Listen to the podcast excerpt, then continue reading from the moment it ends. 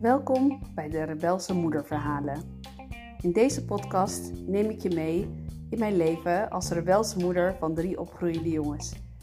Ook laat ik je de verhalen van andere rebelse moeders horen, die net als ik het leven nemen zoals het komt, niet zoals het moet.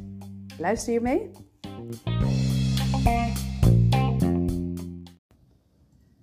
Zo, hier is weer mijn podcast voor vandaag. En ik ga vandaag wat nieuws proberen, want ik ga hem opnemen terwijl ik auto rijd. En ik ben heel benieuwd of dat heel erg storend is, maar we gaan het uh, beleven. Maar ik heb vandaag zo'n mooi verhaal te vertellen, want ik heb gisteren zoiets bijzonders meegemaakt. Gisteren uh, ging de deurbel en daar was opeens een pakketje. En ik wist echt zeker dat ik niks besteld heb, had. En um, nou ja, ik ging een beetje aan mezelf twijfelen. Ik dacht, ik zou toch niet weer iets besteld hebben. Maar nee, daar was een pakketje en daar stond mijn naam op.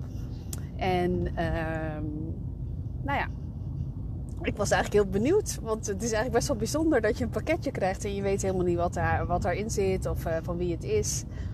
En toen maakte ik het open en toen kreeg ik een handgeschreven brief van mijn allerliefste tante, de jongste zus van mijn moeder.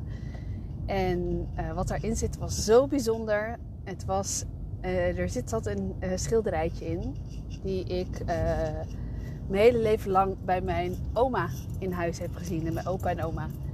En vroeger hing het bij hun boven de schoorsteen. En ik was altijd geïntrigeerd door het, door het mooie schilderijtje. Het is een schilderijtje van een heel klein boerderijtje. Eigenlijk is het een, een heel klein, niks zeggend schilderijtje. Maar ik vond het zo altijd zo'n mooi schilderijtje, omdat er in, in dat kleine boerderijtje zat een deur. En ik vroeg me altijd af, wat zou er nou achter die deur zitten? En mijn oma maakte er dan een verhaal van. En um, nou ja, in de laatste jaren van haar leven uh, woonde ze in een bejaardentehuis. En toen hing dat schilderijtje weer daar boven die deur. En elke keer als ik dan wegging, dan zei ze: Liever, neem dat schilderijtje nou mee, dan heb je het vast. Maar ik zei: Nou, oma, houd toch op, want dat ga ik niet doen. U bent er nog en ik, dat hoort bij u. En uh, zij zei: Nou ja, prima. Als je maar weet dat als ik er niet meer ben, dan mag jij het hebben. Nou, zo'n vijf jaar geleden is mijn oma overleden. En uh, nou ja, ze is uh, 94 geworden. Ze is echt een super sterke vrouw. En um, tijdens die um, verdeling van de inboedel van mijn oma, uh, had mijn jongste, had mijn tante, het jongste zusje van mijn moeder, dat schilderijtje mee naar huis genomen. En ik dacht, nee, helemaal prima. Het is hartstikke goed. En ik uh, mocht kiezen over wat er overgebleven was. En uh, er stonden allerlei spulletjes die me aan mijn oma deden denken. En zo was er ook een blikje een heel oud, lelijk blikje met een roos. Maar daar zaten altijd chocolaatjes in. En als we dan kwamen en dan maakten ze een kopje thee. Of wij maakten later een kopje thee voor haar in het bejaardenhuis. En uh, dan zei ze, neem een lekker chocolaatje. Maar als je het uh, dekseltje dan opendeed, zaten er echt alleen maar hele oude, uitgedroogde chocolaatjes in.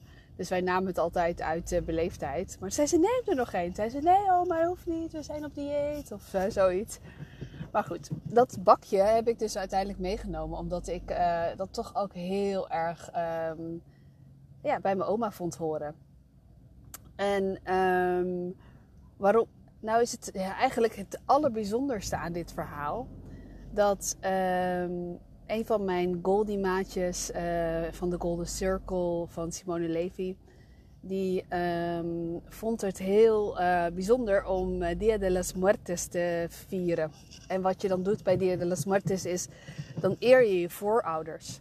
Dus zij had een prachtige avond georganiseerd waarbij we samenkwamen via de Zoom.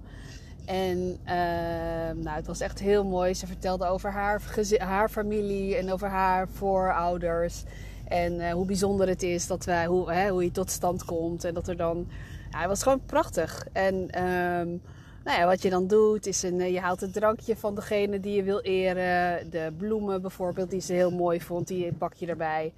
Ja, het was echt een hele mooie avond. En uh, tijdens die avond, toen voelde ik mijn oma al zo sterk aanwezig. En het was zo'n sterke vrouw. Mijn oma die was ehm, heel jong. Werd ze echt ehm, nou ja, voor het blok gezet. Ze was een meisje en ze moest eh, voor vijf broers zorgen. Want haar moeder overleed toen ze heel jong was. En uh, vroeger, ja, dan had je geen eh, wasmachines en had je geen drogers. Dus zij ging dan elke keer alle was doen. En als de jongens dan thuis kwamen, dan zei ze, was ik net klaar met alles. En dan kwamen de jongens thuis. Nou, dan was het, het super gezellig, zei ze. Maar het was ook weer zo'n rotzooi. En ik dacht alleen maar, oh nee, ik moet straks alles weer opruimen. Maar ze deed het. En uh, nog, veel, uh, nog daarna is ze in het verzet gegaan. En um, daar ook weer. Zij vond het zo. Uh, dus haar broers die waren aan het vechten. En zij dacht, ik moet ze helpen. En um, nou, dat heeft ze gedaan door in het verzet te gaan, ook samen met die broers. En um, nou ja, zo kon je al zien dat ze een hele sterke vrouw is. En uh, nou ja, toen ging ze trouwen, toen kwam ze mijn opa tegen. En zij kregen vier dochters. Maar mijn opa die bleek geestesziek te zijn, die een bipolaire stoornis. En die was eigenlijk, altijd, eigenlijk ook een groot kind. En dat hele grote kind verzorgde mijn oma er gewoon bij met haar vier dochters. De oudste dochter uh, kreeg uh, kinderpolio. En mijn moeder kwam daarna. toen was er even niks. En toen kwamen er nog twee dochters. Maar al die tijd heeft zij dus um, dat gezin in er eentje moeten draaien. En mijn opa werkte bij de belasting vroeger. En dan werd je uitgezonden door heel Nederland. En in Nederland uh, woonden zij, kwamen uit reizen. En uh, zij gingen uiteindelijk wonen in Meidrecht. Nou, dat was een soort van het einde, het andere eind van de wereld in die tijden. Ze vertelde, dan mochten ze op zondag mochten zij um, naar de dominee, dan mochten ze, uh, of uh, dan mochten ze in de, bij de kerk, mochten ze, zochten ze contact met degene van wie zij, uh, nou ja, dat was hun tweede familie. En ehm, verder was ze gewoon alleen. En mijn opa die had zijn goede periodes, maar in zijn slechte periodes, nou dan was hij er niet. En als hij zo in zijn highs zat, nou dan was het een entertainer eerste klas. En dan zat hij op toneel en op zangkoor, maar voor zijn gezin was hij er niet. Maar het was wel een super lieve opa. En uh, bij mijn opa en oma mocht en kon altijd alles. Want daar mocht ik dus gewoon uh, mezelf zijn. En uh, een soort Pippi Langkous. We haalden de, gewoon de pannen uit de kastjes bij mijn oma. En we haalden de Afrikaantjes uit de tuin.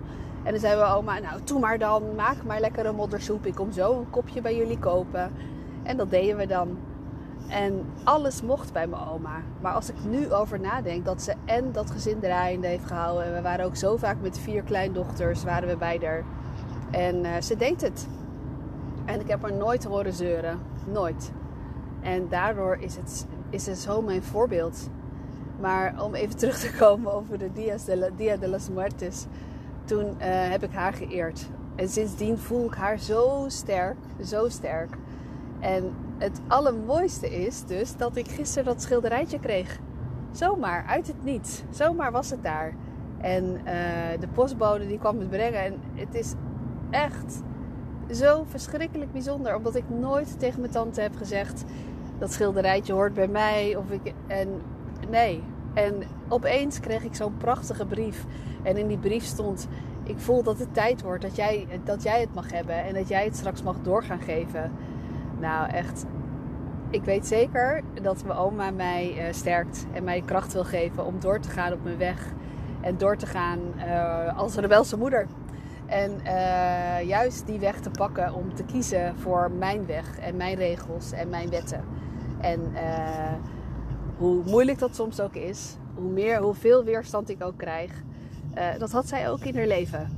En zij was gewoon mijn rebelse oma. Die het allemaal deed. En niet zoals het moest. Maar ze deed het gewoon. En om even niet zoals het moest nog eens een keer uh, uit uh, te lichten. Als wij bij haar gingen logeren.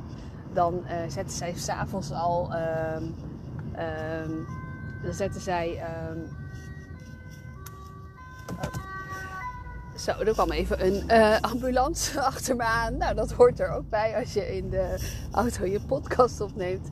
In ieder geval, uh, als we bij mijn oma gingen logeren, uh, kregen wij altijd ochtends een zakje chips.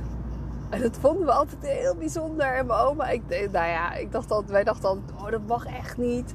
Maar mijn oma deed dat dan in een filterzakje. Dus die chips was dan helemaal taai en uitgedroogd. Maar het was zo bijzonder. Het was de lekkerste chips ever. Omdat het niet mocht. En omdat het ochtends voor ons klaar lag. En het was dat soort dingen, dat vergeet je gewoon niet. En dat zijn van die mooie rebelse gewoontes die, uh, die weet je, wie, want thuis mag je natuurlijk geen chips van je moeder. Maar bij je oma mag je dat wel. En ik weet zeker dat zij uh, weet dat ik op het goede pad ben.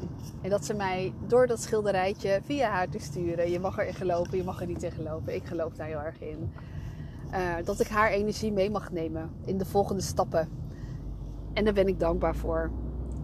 En ook uh, toen ik, uh, toen ik ging verhuizen naar Israël, toen had ik ook heel veel weerstand van alles en iedereen. Die zei: Je gaat toch niet je hele leven hier opgeven voor de liefde en zomaar naar Israël verhuizen?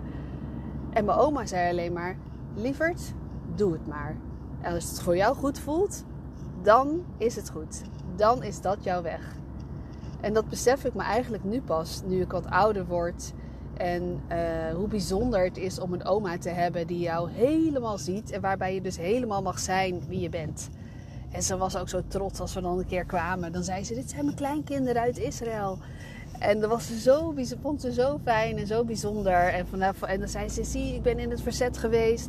En nu ben jij hier in Israël. En het is gewoon zo'n mooie, mooie ronde cirkel dat je... Eh, trouwens, een ronde cirkel, het is een mooi woord. Maar um, uh, dat, we dit, dat jij gewoon daar terecht bent gekomen. En dat ik zo voel dat jij daar moet zijn, zei ze altijd tegen mij. En uh, ja, nu dat schilderijtje met haar kracht. Ik, ik vind het echt zo bijzonder en ik ben zo dankbaar. En uh, ik ben mijn tante ook zo dankbaar dat zij dit voelde en dat zij het door heeft gegeven. En ik vind het zo bijzonder dat ik er dus geëerd heb en dat je dan zomaar zo'n mooi schilderijtje doorkrijgt om iemand vanuit, nou ja, vanuit het universum of vanuit wat voor energie dan ook. Ik dacht, ik wil het met jullie delen dat het heel uh, bijzonder is om uh, te kijken waar kom ik nou eigenlijk vandaan. En uh, hoe ben ik hier gekomen. En niet maar zomaar door te racen en te rennen. Maar juist door, dit, door jezelf neer te zetten zoals je bent. Kan je dus ook die nieuwe gewoontes en tradities creëren. Waar jouw kinderen straks zoveel aan hebben. En doordat jij nu kiest voor jouw weg leer jij je kinderen ook om te mogen gaan staan voor hun weg en hun mening. En dat het oké is dat het anders is dan de rest van de groep. En dat heb ik geleerd van mijn oma. En ze is nu nog meer bij me dan dat ze al was. En uh, ja, ik ben al heel dankbaar. En ik vond het gewoon een mooi verhaal met jullie te delen. Ik hoop dat jullie uh, het leuk vonden om naar te luisteren. En haal er alsjeblieft uit dat elke vrouw in je leven, alle vrouwelijke energieën om je heen, zoveel kracht in zich hebben. En uh, in die kracht mag jij uh, helemaal gaan voelen van, nou weet je, ik ga lekker in mijn eigen kracht die dingen doen. En ik ga uh, de dingen helemaal doen zoals ik wil dat ik ze ga doen. En um, wat je er ook uit kan halen, is dat je kan kiezen dat het goed is om een andere weg te gaan dan, uh, dan van je verwacht wordt. Net als mijn oma vroeger deed. Met haar man en haar kinderen naar een andere stad verhuizen in Nederland. En een belast, sowieso een belasting uh, in er. Want dat was vroeger natuurlijk zo. Maar opa ging het geld ophalen. Nou, dat was ook niet zo, werd ook niet zo gewaardeerd als je daarmee omging. Maar mijn oma die zei: Nee, ik hou van deze man en ik ga hem achteraan en we gaan het samen rooien. En dat ze dat zelf, dat het, haar, dat zij dat, hè, dat het op haar neerkwam, al die, uh, die weg omdat ze rooien, dat wist ze toen nog niet. Maar ze deed het. En ze klaagde niet. En ze was die rebelse vrouw met al haar vrouwelijke kracht. En dat is mijn voorbeeld. En ik hoop dat jullie ook zo'n mooi voorbeeld hebben. Laat je me even weten. Je kan me altijd bereiken uh, via mijn Insta-kanaal Club voor Rebelse Moeders. Ik uh, hoor graag van jullie. En ik spreek jullie morgen weer.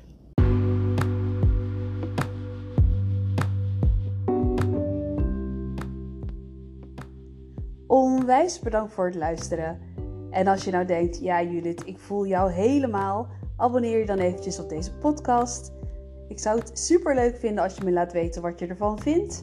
Dat kan je doen op Insta. Je vindt me daar onder Club voor Rebelse Moeders.